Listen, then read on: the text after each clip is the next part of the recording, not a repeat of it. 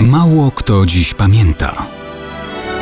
Datownik historyczny prezentuje Maciej Korkuć.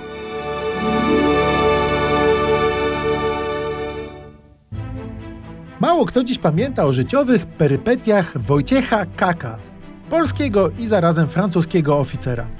7 marca opatrzność zafundowała mu nietypowy prezent na 70. urodziny. Wojciech Kak urodził się 7 marca 1765 roku, jeszcze w Rzeczypospolitej, na Pomorzu Gdańskim w Chojnicach.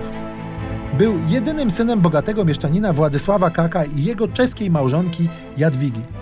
Niestety, kiedy mały Wojtuś miał 7 lat, Pomorze zagarnęły Prusy, dzieląc się polskimi ziemiami wraz z Rosją i Austrią w pierwszym rozbiorze. Rodzina Kaków po tych wydarzeniach udała się na emigracyjną tułaczkę do Francji. Stąd Wojciech zdobywał wykształcenie we francuskim sedanie i tuż przed rewolucją zaciągnął się do królewskiego jeszcze wojska francuskiego. Rewolucyjne zamieszanie w państwie i w głowach zmuszało do dramatycznych wyborów i cywilów, i żołnierzy. Kak finalnie znalazł się po stronie sił rewolucyjnych. Walczył, awansował. Pod rządami Napoleona walczył i we Włoszech, i w Egipcie, i już jako oficer pierwszego pułku kirasjerów gwardii. Jednak serce ciągnęło go do Polski. Po utworzeniu księstwa warszawskiego wstąpił do ósmego pułku ułanów na polskiej już ziemi.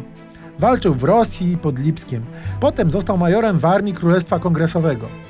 Mimo zaawansowanego już wieku, jako oficer po 60 walczył w licznych bitwach powstania listopadowego i wojny z Rosją 1831.